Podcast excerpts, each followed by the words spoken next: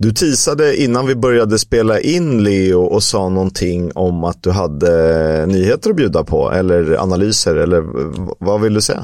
Ah, men alltså, ah, men det är väl inte så mycket nyhet, nyhet i det här, men jag, bara, vi spelar ju in det här liksom morgonen efter svensk herrlandslagsfotbolls lägsta punkt på 25 år. Liksom. Inte för att liksom inte förlorat mot lag som Österrike förut, men för att eh, ja, men, det här är första gången på jag vet inte hur länge som Sverige missar ett mästerskap och det inte är i playoff-rundan eller i sista gruppspelsomgången. Vi missar playoffet med, liksom halv, vi missar slutspelet halvvägs in i kvalspelet. Det är, jag måste bara få det ur mig, Kisk. Det är så jävla dåligt till en turnering som över halva Europa går till. Det är...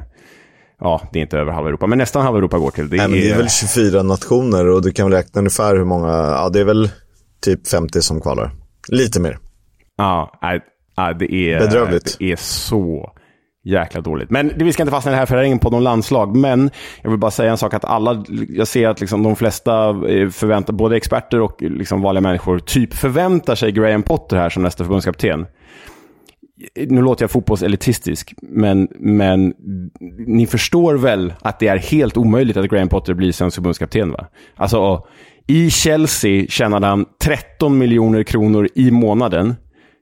Eh, Jan Andersson tjänar 4 miljoner kronor om året. I somras tackade Graham Potter nej till både Lyon och Nice som båda kunde erbjuda en halv årslön på en månad. Alltså en halv svensk förbundskaptens årslön på en månad. Det, det, är liksom inte förankrat i verkligheten att Graham Potter blir förbundskapten. Jag måste bara få det ur mig, för ni måste sluta tro på det. Ni kommer bara bli ja, besvikna. Så är det. Jag tror ju att det blir Kim Bergstrand och Thomas Lagerlöf och att Djurgården eh, tar in Kim Hellberg som tränare från Värnamo. Hans kontrakt går ut efter säsongen och det verkar inte som han förlänger förlänger. Eh, det är, är, min korta analys. Fasen var lite Championship League One och sånt vi pratar. Vi ska ju liksom eh, förkovra oss i gamla öldrickande fotbollsspelare Robin Friday-karaktärer. Men eh, det var det. ska, det ska vi göra. Jag har bara en grej till. Jag har bara en grej till. Jag sitter i en fotbollströja. Jag var i en fotbollsaffär igår.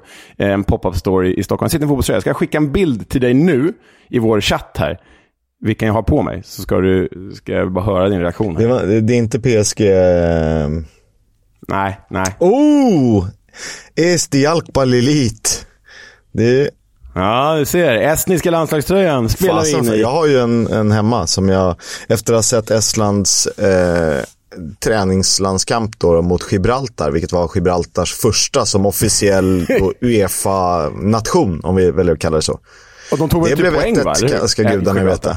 Ja, Andres Åper, eh, ni som kan fotboll, hans sista match i ja. estniska landslaget tackades av inför pompa och ståt och, och vitlökssnacks och vad som nu erbjöds på Alcock Arena. Det är för övrigt ett fantastiskt namn för att eh, det är som Falcon alkoholfri fast utan alkoholfri.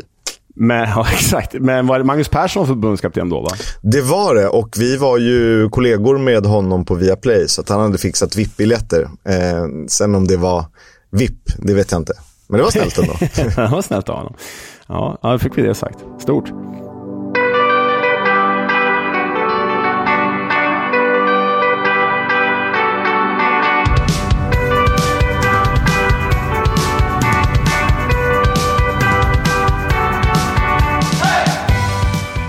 Du lyssnar på Footballs Coming Home, en podcast om Championship League One som vi får chans till att återkomma till den här veckan samt eh, League 2 som ju ibland, rätt ofta, faller mellan stolarna. Men det är som det är.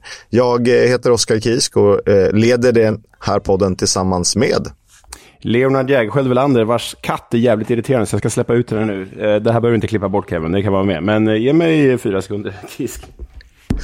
Det är alltid roligt med eh, katter i poddar, men eh, det är ju paus i Championship, dessutom paus i stora delar av League One, men bara för att det är lite roligt så tycker jag att vi tittar till de två League One-matcher som spelades i helgen. Det, hade man haft lite mer tid så skulle man vilja lägga fokus på League One, eller vad säger du Leo? Vi kanske får starta en liksom, eh, eh ytterligare en podd som är League One-podden. Football's going vi, down. Football's going down. Sponsra oss, vi är öppna för förslag. League One-podden står, eh, finns redo att köra igång när som helst. Nej, men det, det blir på en annan nivå, för Championship är ju eh, rent tävlingsmässigt ett ganska stort snäpp uppåt, även om skillnaden ner till mellan, eh, mellan League 1 och League 2 är ju ännu större. Eh, Nog om det. Det spelades alltså två matcher i helgen. Eh, den första mellan Exeter och Leighton Orient. Och eh, det var gästerna som vände och vann den tillställningen. Det var tungt för topplaget Exeter som ju hade varit etta i tabellen vid seger här. Men rättvis seger för The O's. Ja, eh, oväntat får man ju säga. Exeter är en sån jäkla speciell klubb också. Nu har jag fastnat lite för Plymouth, så jag borde ju ogilla Exeter men, e- eftersom de är lokalrivaler. Men Exeter har ju hela sin historik med att de är fanägda och sådär. Så, nej men tufft för dem, speciellt efter att de faktiskt tog ledningen genom en gammal football manager-klassiker, Manchester United-talangen Dimitri Mitchell. Jag vet inte om han är vänsterback eller vänstermittfältare i Exeter, men vänsterspringare är han i alla fall. En rejäl vänsterslägga ribba in, som sig bör. Jag vann ju Europa League med honom i laget med Hearts på Football Manager för några år sedan. Um, oh. fick jag det sagt. Men här vänd, vände ju Orient. Eh, och det ska de ha. De har ju... Alla poäng till Orient gillar vi ju faktiskt egentligen. Ja, eh, Orient har jag sett hemma på Matchroom Stadium eller Brisbane Road om man så vill. Det ligger liksom en pub, eh, jag tror att det ligger en pub i varje hörn. Eh, det låg i alla fall en pub i det hörnet där jag var, eh, Peter Allen Bar. Det är liksom som ett garage. Eh, så öl i plastglas. Jag gissar att den inte var jättedyr. Eh, men det här var ju 15 år sedan, satan vad tiden går. Det är naturligtvis bedrövligt för försvarsspel när Joe Pigott tillåts göra 1-1 och det är en målvaktstabbe när Ruel Sotirio, cyprioten, får göra 2-1 på stopptid.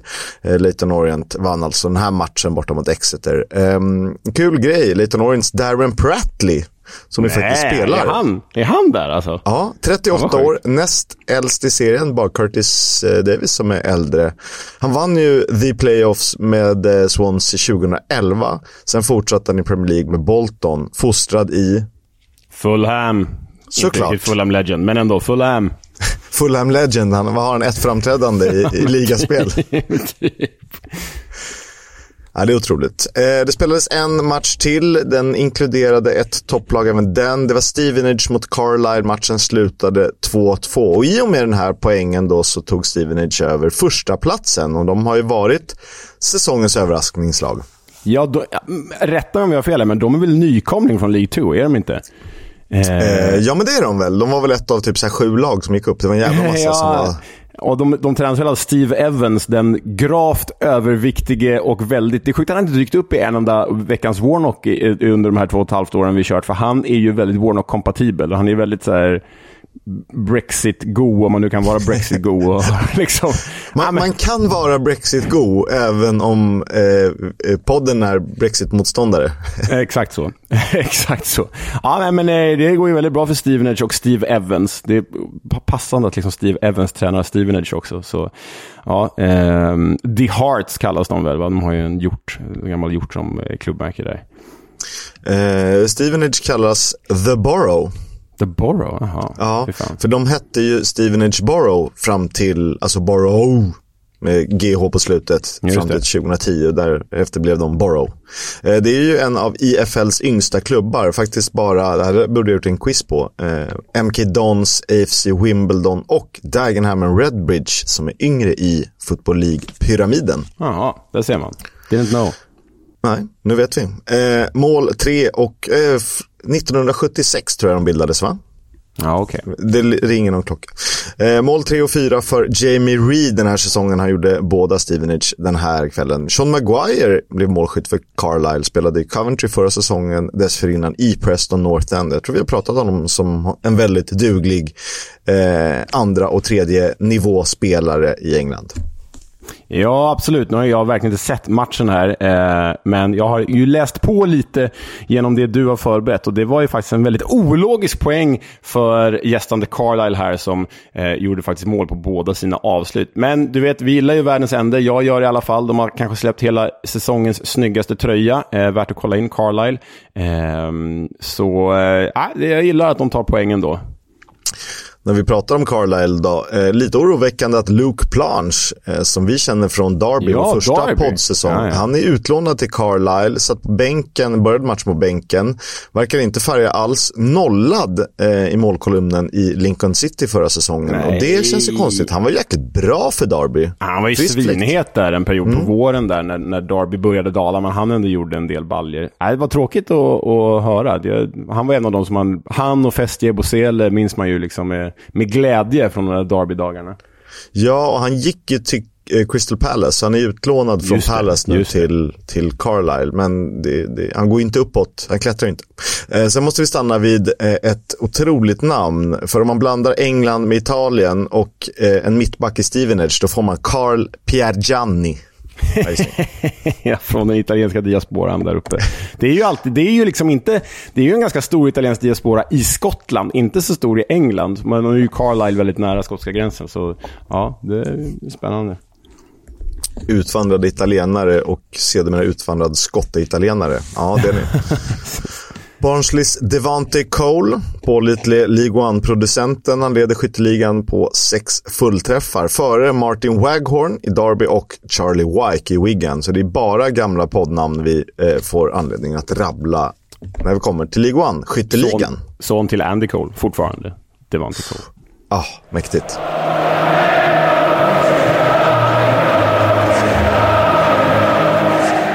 Fotbolls Coming Home sponsras av Stryktipset, ett spel från Svenska Spel, Sport och Casino. För dig över 18 år. Stödlinjen.se.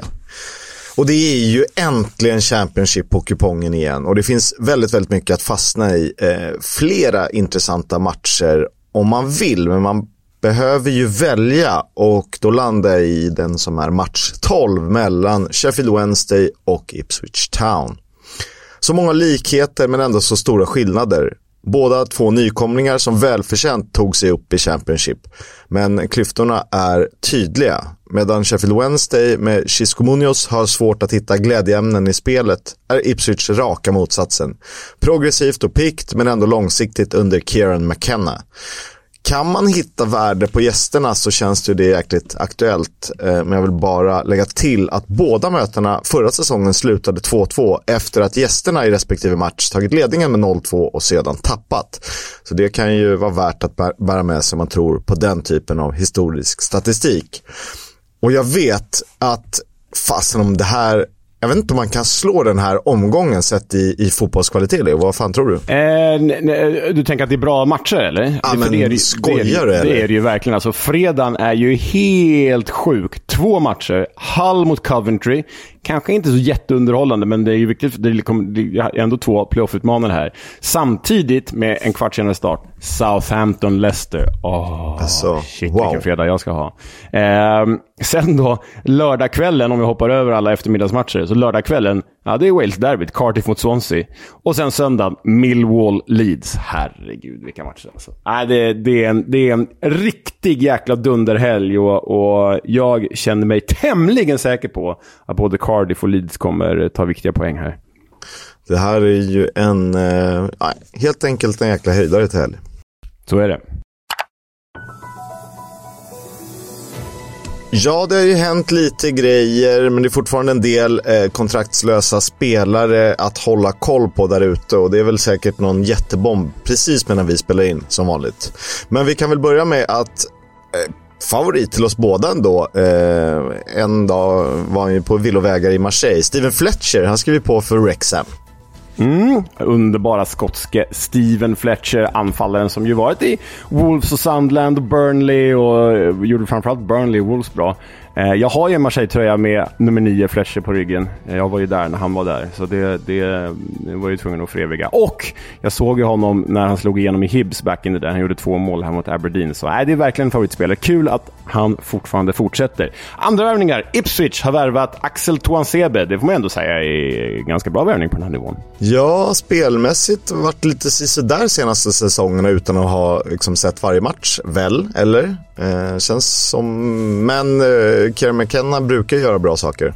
Ja, Tuan Seba har väl inte blivit det man trodde, men ser ändå bra ut på pappret. Sunderland hade möjlighet att låna Ahmad Diallo i somras men valde att tacka nej. Eh, det är på grund av hans skada. De hoppas dock kunna låna honom i januari och det här är, kan ju bli en jävla saga. Ja, ah, verkligen. Sandland med och utan Ahmad Diallo är ju faktiskt det är ju en nivå längre ner. Så är det. Mer i ryktesväg. Birminghams John Eustace, tränaren alltså, nämns som möjlig ersättare till Michael Beale i Rangers. Kan Rangers sluta sno våra tränare? Tack! I, så fall vill Birmingham ersätta honom med Wayne Rooney. Och fan, då blir, då blir man nästan sugen ändå. Ta John Eustace Rangers, gör det. Vi vill, vi vill ha Rooney här. Ta Eustace, skit i honom. Ja, varför inte?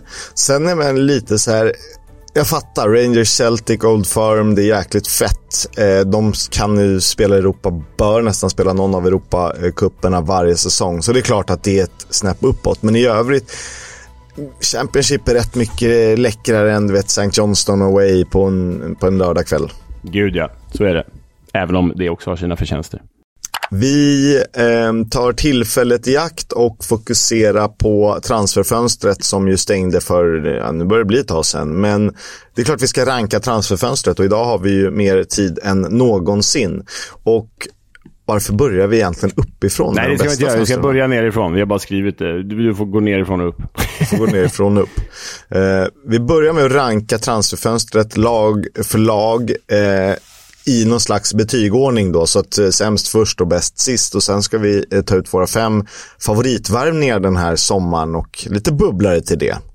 Mm. Och mm. vi gör väl ungefär som vi gjorde guiden för er som har lyssnat på den. Har ni inte gjort det, gör det. Den är, den är faktiskt inte utdaterad än, trots att det har hänt mycket sen dess. Och det är väl fortfarande det trevligaste och det, avsnittet. Och är det, om den känns utdaterad så kan ni ändå få ett gott skratt och, och håna oss lite.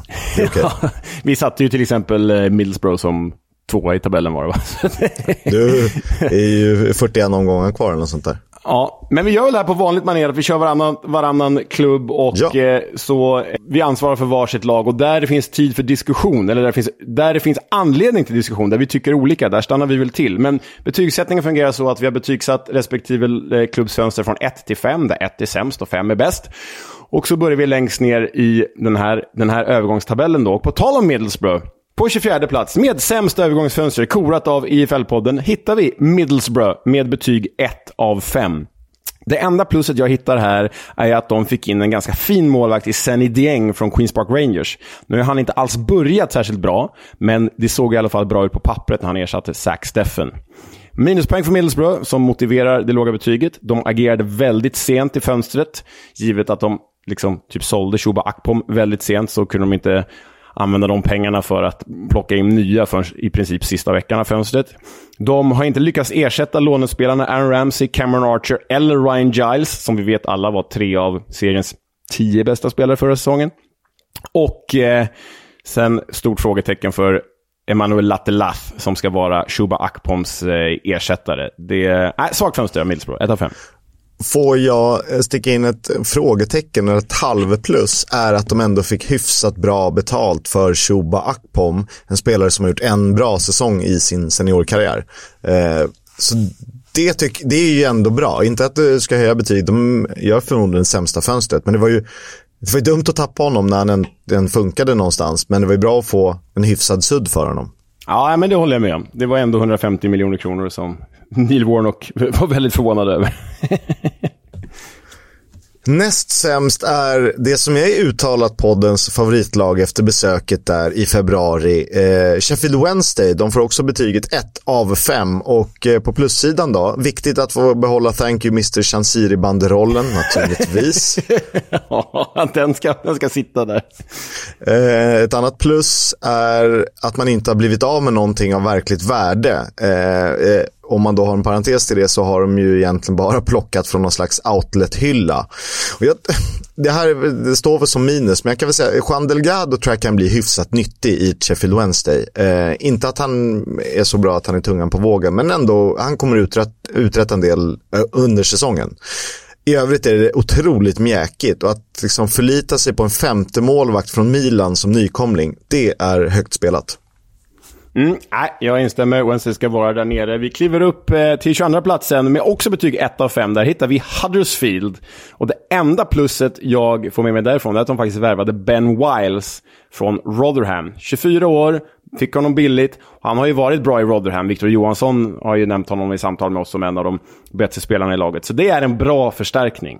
Men de hade kanske ligans sämsta trupp förra året. Den är nu tunnare, för de har ju förlorat mer spelare än vad de har fått in. Eh, så ligans sämsta trupp har alltså blivit tunnare. Nya ägare eh, har ju kommit in. Man trodde att de skulle satsa en del. Det har de inte gjort. De har bara värvat fyra spelare, varav bara en enda har kostat pengar och det är Ben Wiles. Så en av de här fyra som de har värvat är ju eh, alltså Chris Maxwell, som i och för sig är en bra målvakt, men han är ändå reservmålvakt. Så fyra spelare in, varav en är andra keeper. Och ett sista stort, stort minus, de har tappat Dwayne Holmes till Preston North End. Så ett redan nedflyttningshotat Huddersfield har bara blivit sämre egentligen. Uh, inga anledningar att uh, säga någonting annat än det du redan har sagt. Uh, vi rör oss vidare. De som precis klarar sig ovanför strecket i vår betygssättning då. Eh, de får två av fem. Det är Swansea City på plussidan, Jerry Yates, superfin anfallare i Blackpool under inledningen av förra säsongen. Sen mattades han av och sen hittade han tillbaka. Eh, men han har varit bra inledningsvis och han lär fortsätta. Eh, sen Charlie Patino kommer, när vi summerar den här säsongen, vara ett av de tre, fyra bästa lånen. Det är jag helt övertygad om. Har redan visat framfötterna. Han gjorde det även förra säsongen. Blev ju otrolig publikfavorit med sin ramsa Eh, även han i Blackpool. Eh, minus eh, hyfsat stor omsättning under det här fönstret. Man har tappat då Pirou och Bafemi Whittaker senaste året, vilket betyder att man en potentiell fronttrio som är av yppersta Championship-klass. Så offensiven är ju klart försämrad. Dessutom saknar man Ryan Manning och Joel Lattebodier i försvaret. Och framåt. Så de, eh, de står som försvarsspelare men de är, blir lika viktiga framåt. Eh, nej, det tror jag blir eh, alldeles för tufft. Nej, men jag håller med. Alltså, dessutom ska man tillägga att Manning och Latti Baudier fick de inte en krona för. Då pratar vi om seriens bästa ytterback förra säsongen i Ryan Manning och Latti Baudier var i alla fall ordinarie. Eh, därtill att Whittaker, som redan har varit en av seriens bästa anfallare, han gick för 10, sålde dem för 10 miljoner kronor. Äh, alltså Swansea, frågan är om man bara tittar, om man liksom räknar bort de klubbar som kom ner från Premier League, för de fattar man ju att de har förlorat massa bra spelare som ändå gått tillbaka till Premier League. Men om man räknar bort dem, så är nog Swansea det lag med liksom flest viktiga tapp. Och det är ju inte bra. Ja, men slänger man in Nobba 5 i leken så är det ju, det är fem direkta startspelare. Ja. ja. Nej, det är, det är ett svagt fönster. Ovanför dem, också med betyg 2 av 5, Queens Park Rangers. På plussidan, jag vet inte vad det är värt egentligen, men de har i alla fall fått in Ainsworth-spelare. Om de nu ska ha Gareth Ainsworth som tränare, ja, det är väl bra att få in Ainsworth-spelare som slår den långa bollen, som brunkar utav bara helvete och som skiter i att spela det fina spelet. Det är Jack Colback, det är Morgan Fox, det är Steve Cook. Och det här kan vi se som både positivt och negativt, men det är ju rutinerat i Callback, Begovic, Fox och Cook. Alla är ju liksom 30-plussare, typ 32-plussare. Eh, det kan jag också se som ne negativt, för det är kanske du vet, lite färdiga spelare som, som eh, känner sig mätta och slut. Men vad man har sett hittills så ser ju alla faktiskt rätt bra ut. Framförallt Begovic och Colback. Jag måste eh, sticka in där. Jack Colback eh, har ju funkat otroligt fint och som du säger, ska man spela Ainsworth-spelet då känns Jack Colback perfekt där på mitten som gnuggar och terrier. Han vill inte ha bollen, han vill bara se till att andra inte får bollen. Och sen kommer någon förlupen hörna som han bara smackar dit med någon felträff. Exakt. Eh, ett annat plus, de lyckades faktiskt behålla Chris Willock och Elias Cheir. Eh, intressant, får vi se om han faktiskt får användning för dem den här säsongen. Det vore ju bra. Eh, minus, inte en enda krona på nyförvärv. Och eh, de har inget riktigt anfallsalternativ till Lyndon Dykes. Efter att Chris Martin stack så finns det ju ingen annan taget spelare i det här laget. Och vi vet att Lyndon Dykes är skadedrabbad. Paul Smith har de värvat från Leighton Orient. Han gjorde ju alltså en ganska dålig säsong som anfallare i League 2 eh, senast. Och honom har värvat tillbaka. Så det är ju lite nivån på QPRs fönster det här. Ja, trist. Det är ändå en klubb som ska ha varit åtminstone en konstant i Championship som mittenlag. Men poängmässigt har de ändå börjat bra, så det kanske är det här som funkar. Det, det, det, det, här kan ju vara det rätta långsiktiga, lite som när Djurgården och Hammarby hade Pelle Olsson respektive Nanne Bergstrand, även om jag tror att det hade gått bäst om man hade bytt manager i klubbarna. Eh, att man liksom Ja, men du behöver ta det alternativet, 4-4-2, skicka långbollar och sen kan du sakta men säkert byta ut pusselbit för pusselbit. Sen vet inte jag riktigt om QPR har, har det långsiktiga tänket. Eh, men ändå, vi, vi, får se det så, så vi får ha kvar en av våra favoritklubbar. En av Leos 23 favoritklubbar eh, i Championship. Exakt, bara Cardiff som inte är favoritklubb.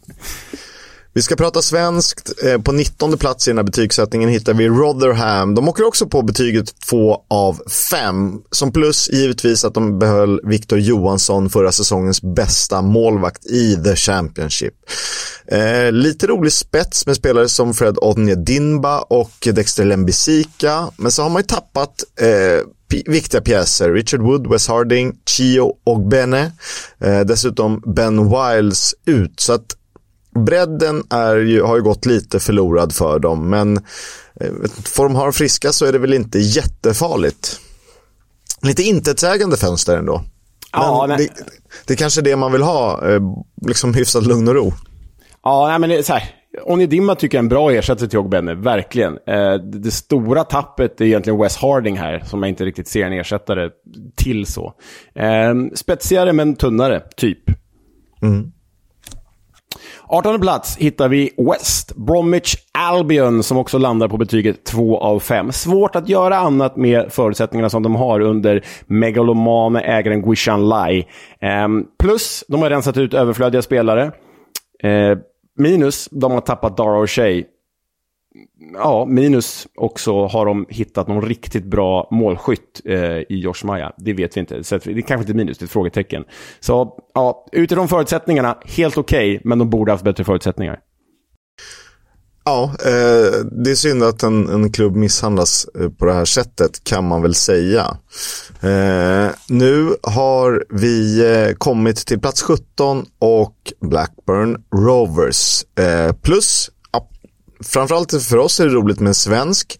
Eh, sen är det intressant att han förmodligen då sakta men säkert eh, vallas in som etta mellan stolparna. Sen tycker jag ju Ennis, Tronstad och eh, Telalovic eh, ses som en intressant trio. Dessutom en, en eh, stark duo som lånas in. Eh, jättestort plus att man fortsätter förlita sig på akademin. Man då ger eh, U18, 19 och 2021 spelare eh, chanser och kontrakt. Det vi såg av Sigurdsson i allsvenskan var en väldigt hög höjd. Inte helt olik Championship, eh, så kan han få det att lossna så kan han bli väldigt, väldigt nyttig. Stort, stort minus, nästan dubbelminus för Ben Brereton Diaz till La Liga. Det var en tidsfråga men väldigt, väldigt tungt tapp. Kanske så länge vi har gjort den här podden den spelare som har varit viktigast för sitt lag. Eh, många av de andra klubbarna, typ Mitrovic i Fulham, eh, gick ju upp direkt och så vidare. Men Blackburn har varit kvar och Ben Brereton Diaz har varit en konstant, även om han har haft sina dippar. Eh, så har han varit MVP under den här två och ett halvt åren. Sen har de ju förlorat eh, ytterligare viktig rutin i Kaminski, Idaki, Buckley med flera. Eh, och så kan man ju vända på det, men det kanske var bra att Bradley Dack gav plats åt en eh, spelare från akademin som på sikt kommer bli bättre. Men eh, it goes both ways. Ja, äh, Black, nu börjar vi komma till de här klubbarna där liksom det är något slags fönstret är fönstret är okej okay och det kanske finns lite potential, men ja, det ser ändå ut att sitta ganska långt inne. Men på samma poäng då som Blackburn och precis ovanför sätter vi Watford.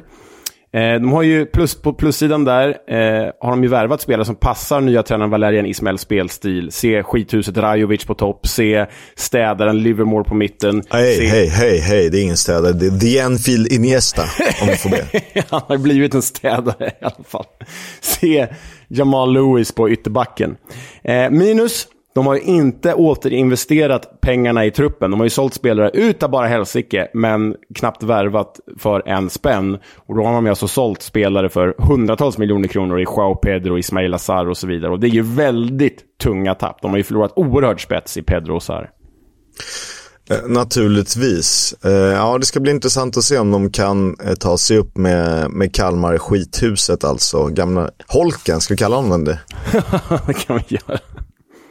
Plats 15, Bristol City gav jag 2,5 av 5 bara för att jag kunde bestämma. Eh, McRory och Knight tror jag kommer bli nyttiga. De får ses som prisvärda värvningar, liksom eh, Roberts och Gardner Hickman. Eh, plus också för att de behåller stommen och har liten ruljans i truppen. Eh, samtidigt då väljer jag sätta ett frågetecken för en hyfsat ålderstigen trupp och en gammalmodig tränare. Eh, det har väl inget med fönstret att göra dock. Eh, minus tappat en ganska stark och namnkunnig kvartett Da Silva, Moore, Kalas och Masengo. Eh, sen såklart ett minus för Alex Scott och visst, det var ju oundvikligt men att han skulle till Premier League eh, hände ju. Men det är ju klart, han är ju lika viktig som en Joao Pedro för Watford. Eh, så 2,5 av 5. Eh, tror ändå att det är skönt att inte ha någon jätteomsättning på spelare. Mm. Ja, vi är ganska överens hittills alltså, får man ju säga. Eh, 14 plats, Norwich 3 av 5. Nu uppe på 3 av 5 betyg alltså. På plussidan, fått in, precis som vi sa om Watford, fått in den typ av spelare som tränaren David Wagner önskar. Se Christian Fastnacht till exempel, som han jobbade med i schweiziska Young Boys. Norwich har breddat rejält med Championship-rutin. Se Ashley Barnes, se Jack Stacey, se Danny Bath. De har behållit Gabriel Sara, som just nu ser ut som typ ligans bästa mittfältare. Eh, minus, jag gillar ju inte när man satsar för mycket på äldre, trötta spelare som kanske känns lite färdiga med sin karriär. Jag tänker på Shane Duffy, jag tänker på Adam Forshaw, jag tänker på Danny Bath. Alla är liksom 30-31 plus. Eh, minus igen, de har ju alltså en av Englands bättre akademier. Och här har de då värvat ett gäng 30-plussare istället för att titta på sin egen akademi och satsa på till exempel Balimumba som de sålde för 10 miljoner kronor till Plymouth. Balimumba hade ju gått rätt in i en Norwich 11 ju. Sen har de tappat ikoner som kanske inte var riktigt förenliga med David Wagners spelstil, men ändå... Det är ändå ikoner och ledarfigurer som har lämnat här i form av Temo Pukki, Max Arons och Omoba Midele. Så ja, det finns både plus och minus här. Ja, och med tanke på att det enda målet för Norwich är att gå upp på ett eller annat sätt så eh, vill man verkligen gå upp med du vet, Ashley Barnes-fotbollen, då borde man ju vilja eh, hellre gå upp med ett Balimumba-gäng. Om man ja, ser det inför. Verkligen så. Alltså det är, det, på kort sikt kanske David Wagner och Ashley Barnes tar till Premier League. Men på lång sikt vet vi att de kommer bara åka ner igen. Alltså på lång sikt hade man kanske behövt en annan typ av tränare, en annan typ av fotboll som faktiskt släppt fram de här Balimumba-figurerna. Eh, och Mobamidele var ju också, nu fick han ju spela och var viktig, nu gick han till Premier League. Men liksom den typen av akademispelare som de faktiskt har. Eh, vi är för överens. Eh, plats 13 i alla fall, Sunderland får betyget 3 av 5, även de. Och jag tycker att deras fönster är väldigt spännande. Förutom Bradley Dack så är det väl ett snitt på 2021 eh, max år eh, på spelarna de tar in. De har fått in sju nyttiga spelare till värdet av en försäljning. Eh, och den försäljningen går ju då på minussidan. Det är Ross Stewart, The Loch Ness Drogba, eller Dirtbag som han numera kallas i Sunderland, som de tappade till Southampton. Eh, ett annat minus är att det blir ganska hårt tryck på ungdomar att prestera direkt. Eh, och jag tror att Alltså, som Tony Mowbray får chansen så tror jag att det kommer bli bra. Men jag tror också att det kan bli ganska mycket upp och ner. Eh, som vi har fått se. Liksom. De kan vinna med 5-0 eh, mot Southampton, helt sjukt. Men de kan också torska med, med 0-2 mot eh, Huddersfield, skulle de kunna göra. Eh, och det blir lite tufft att sätta eh, pressen på ungdomarna. Samtidigt, eh, de måste lära sig också. De är inte, de är inte barn längre. Jag tänkte först med Soundlands så här att är Ross Stewart det enskilt största tappet eh, den här sommaren, givet hur, liksom, hur bra han var. Eh, men så tänker jag så här, fan Joel Perreault för Swansea är till exempel värre, för att jag menar, de hade ju redan tappat Stewart. Alltså han hade ju inte gjort en match för dem sen, vadå, december, november? Han gjorde ju, vad var det, 11 mål på 13 matcher och är ju en fantastisk anfallare. Men de har ju redan spelat liksom två tredjedelar säsong utan honom och tagit sig till playoff. Så jag, jag, tänker att det tappet, det är klart att det är ett minus, det är ett stort minus. Men det är nog inte så stort minus som i alla fall jag tänkte att det initialt var. För de har, de har ju redan varit Nej, utan men, honom liksom. Ja men släng in Ben Berton Diaz, där visste man att han skulle försvinna. Men han har ju ändå eh, sluppit den typen av skador och varit eh, given på topp där i två och ett halvt års tid. Mm. Nej, exakt. Det finns, det finns värre tapp än Ross Stewart. Tolfte plats, tre av fem. Trots det kanske mest kaotiska fönstret så landar de på ändå mer plus än minus. För tittar man på inlistan så har Leeds värvat jävligt bra. Joel Pirou framförallt. Ethan Ampadu, Glenn Kamara, den finska landslagsmannen. Jed Spence tillbaka i The Championship efter ett helvetesår. Jaden Anthony var ju ruggig i Bournemouth för två år sedan. Joe Rodon, eh, Wales landslagsback. Sam Byron tillbaka i Leeds. Alltså det är ju ohyggligt bra spelare in. Det här är ju liksom på gränsen till Premier League-spelare allihopa. De... Ja, särskilt med tanke på vilka man fått behålla. Ja, man lyckas behålla Willy Gnonto, Ilan Melier mål, Crescencio Somerville. Alltså det, det, Leeds, i min bok kan de ställa upp med bästa elvan. Så är det, tack vare och bra fönster in. Det negativa är ju all kalabalik, allt kaos. De har bråkat med Willy Gnonto, de bråkade med Luis Sinisterra. Eh, eller snarare spelarna som bråkade med klubben. Eh, de har missat massa pengar in på grund av de här idiotiska låneklausulerna som vi nämnt. Att så här, ja, åker vi ur Premier League så kan vi låna ut er gratis. Jag menar, de har ju tappat en halv startelva i princip gratis för att de lånas ut till diverse klubbar. Och det, det innebar att de tvingades agera sent i transferfönstret. Men jag tycker ändå att det är övervägande positivt för att de, de löste det bra. Det blev, alltså Middlesbroughs panikvärvningar när de tvingades agera sent ser ju inte så bra ut. Leeds panikvärvningar känns ju typ planerade, men att de var tvungna att vänta på avtryckaren tills liksom allt var klart ut. Så jag tycker bra infönster för Leeds. Ja, men Leeds, eh, Leeds panikvärvningar var ju typ team of the season för två säsonger sedan. Exakt så. Ja, det var ju nästan det. Jet Spence, Jaden Anthony, ja, ja, ja, ja. etc. Ja. Ja, eh, jag tror inte vi ska avskriva Leeds när vi nästa eh, vecka, ska vi ta, ta, tipset nästa vecka? Vi borde ju tagit idag. Kommer ja, men vi får ta det nästa vecka. Vi får ta det nästa vecka. Reviderat tabelltips. Jag tror inte Leeds blir så dumma där uppe i toppen ändå. Nej, de är, de är definitivt med på topp top 6, kanske till och med topp 4. Plats 11. Nu är vi på den övre halvan. Eh, då, då, hittar vi Stoke. Eh, det är inte ofta. Eh, men de får betyget 3 av 5. De får plus för intressanta nyförvärv, både på kort och lång sikt. Eh, de får plus för att man främst förstärkte bredden, vilket kommer att behövas. Det är givet plustecken med Kiana Höverin.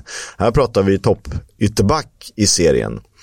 Eh, plus också för att man inte åkt på några särskilt kännbara tapp även om Jacob Brown och Josh Timon får ses som bra spelare för den här nivån. Eh, minus då, rulliansen. Det är 18 spelare in, 12 ut. Det är klart att det eh, kommer påverka på ett eller annat sätt. Ja, eh, det, är ju, det är ju Stokes akilleshäl de senaste åren. De har haft enorm ruljans varje jäkla säsong. Eh, sen håller jag med dig. Det är ju intressanta namn in. Sen får vi se hur den här, liksom, han från Ferencvaros, Ryan Mäh, kommer vara. Eller hur han nu uttalar det. Liksom. Men jag menar den här Vidigal, som numera kallas Vidigol. Det, det har, de har fått utväxling redan på några av sina nyförvärv. Så det, det här är ju övervägande positivt. Verkligen. Inne på topp 10 då. Och där hittar vi eh, Championship-nykomlingen Ipswich. Eh, ganska spännande namn utifrån en svag budget. De har alltså värvat George Hurst, Jack Taylor och Mario Hutchinson lånats in från Chelsea och Brandon Williams från Manchester United. Tycker det ser spännande ut. Bra för den här nivån. Breddat med sex nya namn in. Gjort sig av med dödkött och barlast, typ Richard Keogh. Lyckades dessutom behålla Leif Davis, Sam Morsey och Connor Chaplin. Så allt det där är på plussidan. Eh, minus. Det är inga jättespetsiga namn in, men behövs det? Det känns inte som att McKennas Ipswich handlar om liksom spetsiga namn. Det handlar om det här kollektivet byggt på Ja, det är ju ett bra, offensivt, härligt kollektiv. Och då vet jag inte om det behövs spetsiga namn. Så tre av fem är betyg på Ipswich de, här, de vinner ju eh, matcher för att eh, de är ett bra fotbollslag, inte för att de tar in någon, ja, jag vet inte, eh, från något högre hylla som ska vara stjärna i det här. Och det är väl det Kieran McKenna gjort bra. Exakt. Vi går vidare till plats 9, där hittar vi Leicester. Jag tycker ändå att vi kan pressa upp dem på 3,5 av 5 eh, så får de bli gränslandet mellan treorna och fyrorna. Eh, stort, stort plus för superutropstecket Steffi Mavididi som ju varit en eh, jättefin ja, spelare så här inledningsvis. Dessutom eh, två väldigt fina lån i Cesare Casadei och Callum Doyle eh, som kommer att bli viktiga den här säsongen. Plus, eh, de har gjort en hel del bra affärer sett till det ekonomiska och eh, det lär väl vara viktigt när man åker ur och behöver titta lite på sparknappen. Frågetecken för Harry Winks och eh, icke-debuterande Connor Cody hittills naturligtvis. Eh, spelare som man har satsat mycket på. Minus, man har tappat otroligt mycket kvalitet och rutin. Eh, det kommer nog inte som en chock, men det blir ändå tufft. En ny vardag för Leicester, ett helt nytt lag egentligen sett till det Leicester vi har sett senaste säsongerna. Jag håller med dig. De har liksom ändå agerat bra utifrån sina förutsättningar. Det, det tycker, det, vi har inte ens nämnt Southampton än, men det kommer vi till också. Båda har ju liksom tappat mängder med spelare, men de har tappat det på ett bra sätt. Till skillnad från Leeds då, som liksom inte kunde få några pengar från de flesta av sina spelare, vilket Leicester och Southampton verkligen har gjort. Så nej, men absolut en topp 10-placering på dem. Åttonde plats hittar vi... Eh, den här rankingens första fyra av fem. Och där har vi Coventry, trots att de då tappat eh, Victor Gyökeres och Gustavo Hammer. Men eh, tycker i alla fall att, han, att de redan ersatt Gyökeres på ett bra sätt i då Haji Wright och Ellie Sims. Nu har Ellie Sims inte sett så bra ut, men Haji Wright ser för jävla bra ut. Och eh, på pappret bör ju Ellie Sims eh, sätta det där ganska ordentligt. De har breddat och spetsat den här truppen som alltså nådde playoff-final senast. Och spetsat säger ni, vadå? De har ju tappat Hamer och och Jökeret. Ja, men de har ändå spetsiga namn med Hadji Wright, Ellie Sims, Liam Kitching som var liksom en av League Ones bästa mittbackar förra säsongen, Milan van Ewijk som vi har sett skruva in frisparkar från 30 meter redan, Bobby Thomas som var också otrolig barnslig förra året. De har liksom breddat med Latti Bodier och, och da Silva på ytterbackarna, gratis dessutom. Äh, jag tycker Coventrys fönster in är ju inte i klass med Leeds, men snudd på. Um, sen blir frågetecken för Yasin Ayari. Det, vi vet ju att det är en spelare med fantastisk potential och vi hoppas verkligen att det ska gå bra för honom sen som han är. Men är han redo att axla den mantel som Gustavo Hammer har lämnat efter sig? Det får vi se. Det får vi se. Um, jättefint fönster från Coventry, även om vi saknar Viktor Gyökeres och Gus Hammer såklart. Plats sju då. Eh, säsongens stora succé hittills, Preston North End, som vi hade med som outsider i guiden, har ju visat sig vara riktigt, riktigt bra. Plus då, eh, ett sparkapital. Rekordförvärvet Milutin Osmajic har ännu inte debuterat så att man kan väl hoppas att det finns utväxling i honom. Plus också för två kompetenta offensiva mittfältare i Frökjär och Dwayne Holmes som redan eh, visat sin viktig guld. Superplus för Will Keen och Jack Watmo såklart. Eh, succé hittills, särskilt för Will Keen som ju imponerat stort trots ålder och annat. Eh, plus man har behållit eh, stommen. du behöver inte berätta. Jag kommer, bara, jag kommer bara sitta och fundera på vad annat är för något. Ja. Fundera på det. Eh, man får, har ju fått behålla sin stomme så att eh, det har inte hänt så mycket. Möjligt, möjligt minus. Eh, nu ska jag säga att det är ett väldigt bra lag, men jag tror kanske att man kan behöva något namn till för att spetsa till inför en eventuell slutspurt med strid om topplaceringar. Ja, men jag, jag, tror ju på din spaning om att PNI kommer bli en rejäl playoff-utmanare här, så jag håller med dig i betyget. Och därmed kliver vi upp till liksom playoff-platserna i den här rankingen. Sjätteplatsen, där hittar vi Cardi FF som dammar in fyra starka poäng. Detta ack så misskötta Cardiff. Äntligen gör de någonting bra, Kisk. Och framförallt, på plussidan, symbolvärvningen, hemvändande Aaron Ramsey. Ett liksom sign of intent vittnar om att de faktiskt skickar positiva signaler till fansen för första gången på flera, flera år. Och sen har han ju faktiskt varit en av ligans bästa spelare så här i säsongsinledningen också. Han är ju långt ifrån slut. De har ju breddat och spetsat en ganska dassig trupp med namn som Carlen Grant, Yakume T, Jonathan Panso, Josh Bowler, Ike Ugbo. Ah, riktigt bra stärkt offensiv, även om Panso är försvarare. Minus de tappade Ryan Alsop på målvaktssidan. Det är ingen supermålvakt, han är väl en 2 plus målvakt. Men ersätter honom med Runarsson som hunnit göra bort sig både Dijon och Arsenal. Och där känner jag att, ah, ska ni verkligen ha ligans sämsta, ska ni verkligen ha ligans sämsta målvakt? Det, det, det, här är, det här är min nya hatkeeper, Kisk, så förbered dig. Joe Lumley, eh, han, han får passera förbi obemärkt. Exakt så. Eh, Runarsson ska få en skopa skit.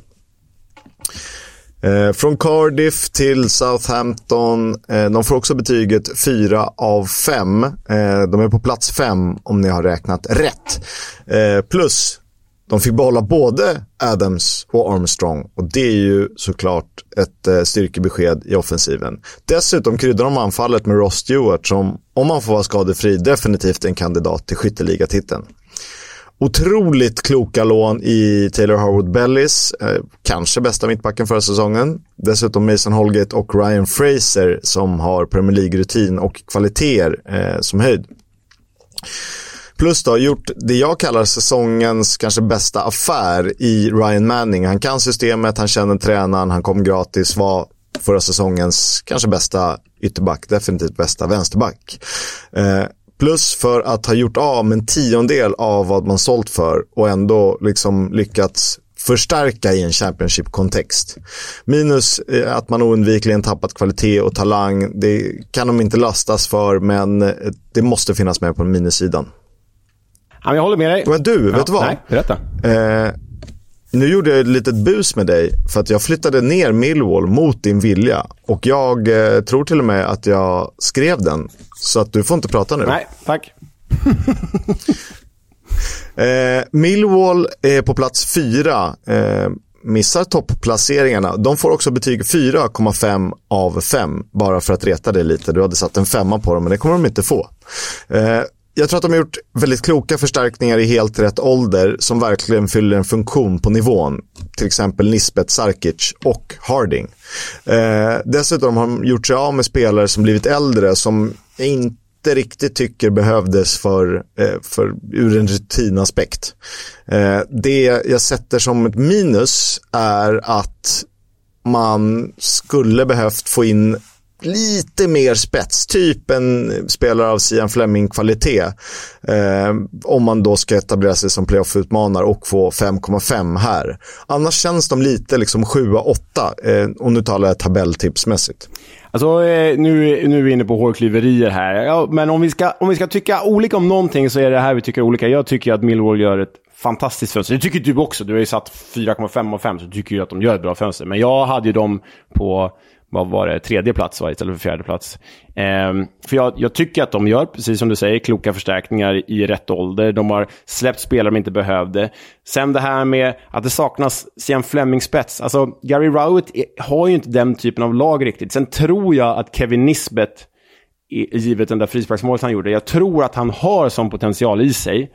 Men att omställningen... Men det är fortfarande en fattigmans eh, Ross Stewart. Ja, ja men det, det, är det ju hittills i alla fall. Men jag tror att de ser honom som den här liksom spetsvärvningen. Sen får vi se om han blir det. Men jag, jag, tycker ändå, jag ser på det här Millwall som var liksom en poäng från att ta playoffplats i, i våras. En halvlek från att ta playoffplats i våras. Och tycker ändå att de har blivit bättre än sen dess. Liksom. Så ja, det var därför jag eh, kände att de skulle ha en femma i alla fall. Ja, kanske. Alltså, du får ju rätt när liksom Andreas Fogelsammer och Tom Bradshaw var spetsen förra säsongen, eh, förutom Sian Fleming. Men vet, eh, hitta, Sian Fleming var ju verkligen en guldklimp eh, för den här nivån. Hitta det här, jag vet inte vad man ska kalla men jag säger ändå spets, men lite, men lite um, utropstecken. Ja, um, det saknar jag. Ja, ja, jag fattar. Då har jag två raka här då. Tredje plats, Plymouth. Vilket jäkla fönster. Fem av fem. Om man skulle ranka value for money så är de ju definitivt etta i ligan. De har alltså värvat Bali Mumba, som ju varit en av seriens bästa eh, yttrar inledningsvis, och Morgan Whittaker som varit en av seriens bästa anfallare. De två har de värvat för totalt 20 miljoner kronor. Unga dessutom, så man undrar ju vad tusan Norwich och Swansea håller på med. Dessutom har de superscoutat Connor Hazard. Han är ju engelsman och inte belgare, trots att han stavar som Eden Hazard. Men Conor Hazard som nu ser ut som en av ligans bästa målvakter, kommer från Celtic då, där han inte var ordinarie. Ehm, gjort en smart låneverksamhet i Luke Kundle, Finn Assas och Kessler Hayden. Jag tycker de gör ett sånt... Laget har blivit bättre, det har blivit spetsigare, det har blivit bredare. De har gjort de bästa fynden och så jag ser inget negativt. De har liksom inte tappat... Jo, de tappade ju Emnis då till Blackburn, men jag vet inte fan om de kommer sakna honom. Plymouth 5 plus när du sätter upp det så här så känns det nästan som att de hade kunnat vara etta utan konstigheter. Ja, För de, man ska inte glömma att de var nykomling. Eh, och sättet de har etablerat Mumba och Whittaker på eh, helt liksom naturligt. Eh, när de kanske inte hade varit så i sina tidigare klubbar. Wow. wow. Ja, wow. Oj, just det. Jag fortsätter här då. Andra plats. Hull City, The Tigers, också 5 av 5. De har både spetsat, de har breddat, de har framför allt förstärkt en offensiv som såg ganska träig ut förra säsongen. Eh, Phil Gin Bides har kommit in från Aston Villa. Aaron Connolly har köpt loss från Brighton. Liam Delap ser ut som en helt annan spelare än förra året när han var i Stoke och Preston North End. Scott Twine vet vi kan göra underverk med sin doja. Och Ruben Vinagre är ju bara 24 år, spelar Premier League med Wolves portugisisk landslagsman i typ för något år sedan. Eh, gått in som vänsterback. Äh, det är oerhört starka spelare in här. Eh, och negativt hittar egentligen inget mer än att de släppte Oscar Estopignan och han var inte så bra. Han var ju bara liksom en liten favoritspelare att följa. Så. Sa- saknar vår Bult alltså. Han drog fram där och liksom släpade med sig en hel gräsmatta när han skulle toffla till någon boll för att göra sitt mål för fjärde matchen i rad. Och man bara wow. Nu spelar han med Joel Asoro i Mets. Det är stort alltså. Men... ehm, Oh! Fast vi har inte pratat med Joel. Nej, det borde vi göra. Prata Sunderland och Oscar Estopinian. Eh, nej, Hullbulten är ändå minus ett. Nej, fem plus på Hall. Absolut. Hull, Hullbulten. Fasen vilket jävla namn. Det är ju nästan rubbevänligt. Hull, Hullbulten är borta. Hullbulten är borta. Om ni är, smarta och har lyssnat, då vet ni vilka som är etta. Det är Birmingham City. Ett på nyttfött Birmingham City under John Eustace som kanske går samma öde som QPR till mötes. Ser positiva ut, tappar sin tränare till jävla skitprojektet Rangers där uppe i, i Skottland och sen faller som en sten. Men det här handlar om transferfönster och där är Birmingham etta. Plus tre unga högoktaniga försvarsspelare. Vi buntar ihop dem så. Ethan Laird och Lee Buchanan på kanterna och Dion Sanderson i mitten. Dessutom till bra pris. Tumme upp. De har fått in poddfavoriten Christian Bielik, polsk landslagsman och mycket, mycket bra mittfältare för nivån. Dessutom har de jobbat smart med fria transfers och lån med spelare som presterat i Championship tidigare. Kesh Anderson, Tyler Roberts, Siriki Dembélé, Oliver Burke, Jay Stansfield, Cody Drame är väldigt bra. Dessutom verkar de ha fått igång eh, en handfull av de här utan problem.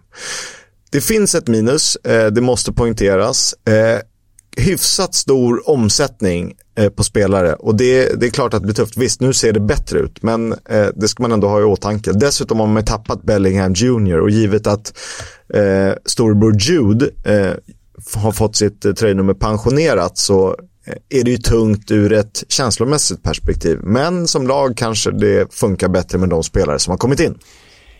Um jämför man startelva den här säsongen och förra säsongen så tycker jag nog att Birminghams är den som har blivit bäst. Alltså från, från eh, det är störst skillnad positivt. Sen hade jag köpt om vi hade satt Plymouth etta eh, utifrån det du sa, eller det vi sa alldeles nyss här. Men, men Birmingham har ett sånt otroligt, otroligt fönster. Det är bara Ja. hatten av. Och ni kan väl eh, tycka till om eh, vilka lag ni tycker har gjort bäst transferfönster. Har vi missat någon? Har vi felbedömt någon? Eh, hojta till i sociala medier. IFL-podden är namnet. Vi ska inte lämna värvningarna där. Vi ska ta ut våra fem bästa värvningar. Mm, kör jag femman och du femman och så vidare, eller? Det tycker jag. Jag tycker du får börja för du är så himla snäll. Okej. Femte plats. Will Keane till Preston North End. Äntligen en anfallare som faktiskt kan göra mål i det där gänget. Och det betyder ju ganska stor skillnad. Då blir man, kan, går man kanske från ett mittenlag till ett playofflag. Will Keane. Han är med på min lista, men inte som femma. Där hittar vi Ethan Ampadu i Leeds som jag trodde skulle bli säsongens spelare faktiskt. Eh, så bra eh, ser jag honom på sikt. Inte riktigt fått det eh, att lossna än, men i och med att Leeds nu är, har liksom genomlidit fönstret så tror jag att han bara kommer växa in i det här och bli en supersuccé. Fjärde plats, Ryan Manning till Southampton. Som eh, du sa, Kisk, eh, ligans bästa ytterback gratis in till en tränare vars system han kan. Har inte sett jättebra ut hittills och vi vet att styrkan inte sitter i defensiven, men han kommer ju göra massa offensiva poäng i alla fall. Så Ryan Manning, ligans bästa ytterback, gratis. Fyra, Aaron Ramsey till Cardiff. Äntligen är den förlorade sonen hemma igen. Han har redan gjort succé, eh, om man ens skulle kunna göra det med den pressen på axlarna. Det här kommer bara bli bra för Cardiff och eh, om inte annat så slipper de i bottenstrid med honom på planen. Min tredje plats då, min första pallplats. Joel Pirou till Leeds har alltså gjort typ 40 mål på två säsonger i Swansea. Nu kan han spela i ett bättre lag, i en större klubb, på en större scen. Eh, jag tror absolut han är redo för det. Det är minst 20 mål för honom och det är precis vad Leeds behöver. När man hör vilka du nämner så eh, fasen man eh, saknar några. Men jag eh, valde medvetet att inte ha med honom för att jag har med lite av en favoritspelare. Jag försöker alltid trycka på honom. Ethan Laird i Birmingham. Eh, Man U-fostrad. Eh, ytterspringare, kan både agera ytterback, men trivs bäst som wingback. Det är där jag tycker han är bäst. Eh, I en fembackslinje om vi väljer att kalla det det. Eh, till höger, där var han vassast i Swansea eh, när han gjorde det eh, som bäst. Eh, han, kommer, han har redan visat sin, sin kvalitet i Birmingham och kommer bara växa in det här, jag är övertygad om. Min andra plats har du redan nämnt och jag lyfte honom även när vi gick igenom Cardiff. Det är ju symbolvärvningen Aaron Ramsey. Såklart. Och min tvåa har du redan lyft. Det är Ryan Manning, eh, en av seriens bästa ytterbackar i Southampton. Han kommer också växa in i det. Min första plats då. Ser man till eh, priset utifrån kvalitet, kapacitet och potential så är 10 miljoner kronor för Morgan Whittaker som ser ut att vara liksom en skytteliga-utmanare i en nykomling underifrån. Ah, då måste Morgan Whittaker in på första platsen här för mig. Min etta blir ändå Will Keane. Han har redan visat att han har precis det Preston North End har sökt i, liksom i tre års tid. Ingen har kunnat bara peta in bollarna. De har försökt med olika konstprojekt. Det är danskar och Detroit Parrots och det är fan hans moster. Men nu är han där, Will Keane. Han börjar bli gammal. Han borde egentligen liksom vara skadad. Men fasen, tänk om det är han som frälser dem upp till den här playoff-platsen. Han kommer ju bli eh, helgonförklarad i stan. Du, jag vill bara passa på. Eh, fem spelare som jag inte kommer nämna, som inte du heller nämner, som då kanske flyger lite under radarn, är, är några bubblare. André Vidigal till Stoke ser superfin ut. Mm. Aaron Connolly till Hull nämnde du i, i genomgången, också jättebra. Dion Sanderson till Birmingham, möjlig team of the season om man fortsätter så här på ja, mittbacken. Ja, verkligen. Steffi Mavididi såklart till Leicester, men också eh, sent om sidor, Lewis O'Brien till Borough. Han hamnade ju jävligt jobbigt där i Nottingham Forest. Eh, följde med till Premier League, eh, tog sen inte ut i truppen för att de trodde att de skulle sälja honom eller låna ut honom till Blackburn. Men om Carrick får igång maskineriet så kan Lewis O'Brien absolut vara en mittfältare för säsongens lag. Ja, det är en bra shout, fick vi nämna honom i alla fall. Det håller jag med om. We'll have a chat about the fucking game. About your game, last few months, last few weeks. Fucking character. Ja, Leo, jag tycker att eh, du tar den här. Ja, men som fullen fantast så måste jag ju slänga in Mark Schwarzer, den gamla supermålvakten när jag får chansen. Eh, oerhört underskattad mål för övrigt. Eh, han tränades ju av Mark Hughes i Fulham och har en ganska rolig story om hur blöt och platt Mark Hughes la sig när spelarna väl tog kontroll i laget. We go to Stoke and the night before in the hotel Danny Murphy comes down for dinner and goes right guys there was a few of us the senior players he goes right I've just got a phone call got off the phone one of the directors said if we lose tomorrow at Stoke he's gone. So uh, as players you're sitting there going far out like that's a bit that's a bit harsh. I suppose you can see it coming. But then we're like, yeah, but we don't really want to go because you're better the devil you know than the devil you don't know, right? So we're like, right. So the next day we go, right, you know what we're going to do? We'll give ourselves the best opportunity to win this game. Away at Stoke, I think it was a Tuesday night. It was like rainy, windy. It was such, like ridiculous. It's like you watching Burnley in your back garden, you just wouldn't watch them, right? So you go on a Stoke and they're mad, right? And then, and then basically we go, all right, we're going to go back to playing like we played under Roy. So rather than show them down the line, we're going to show them all inside.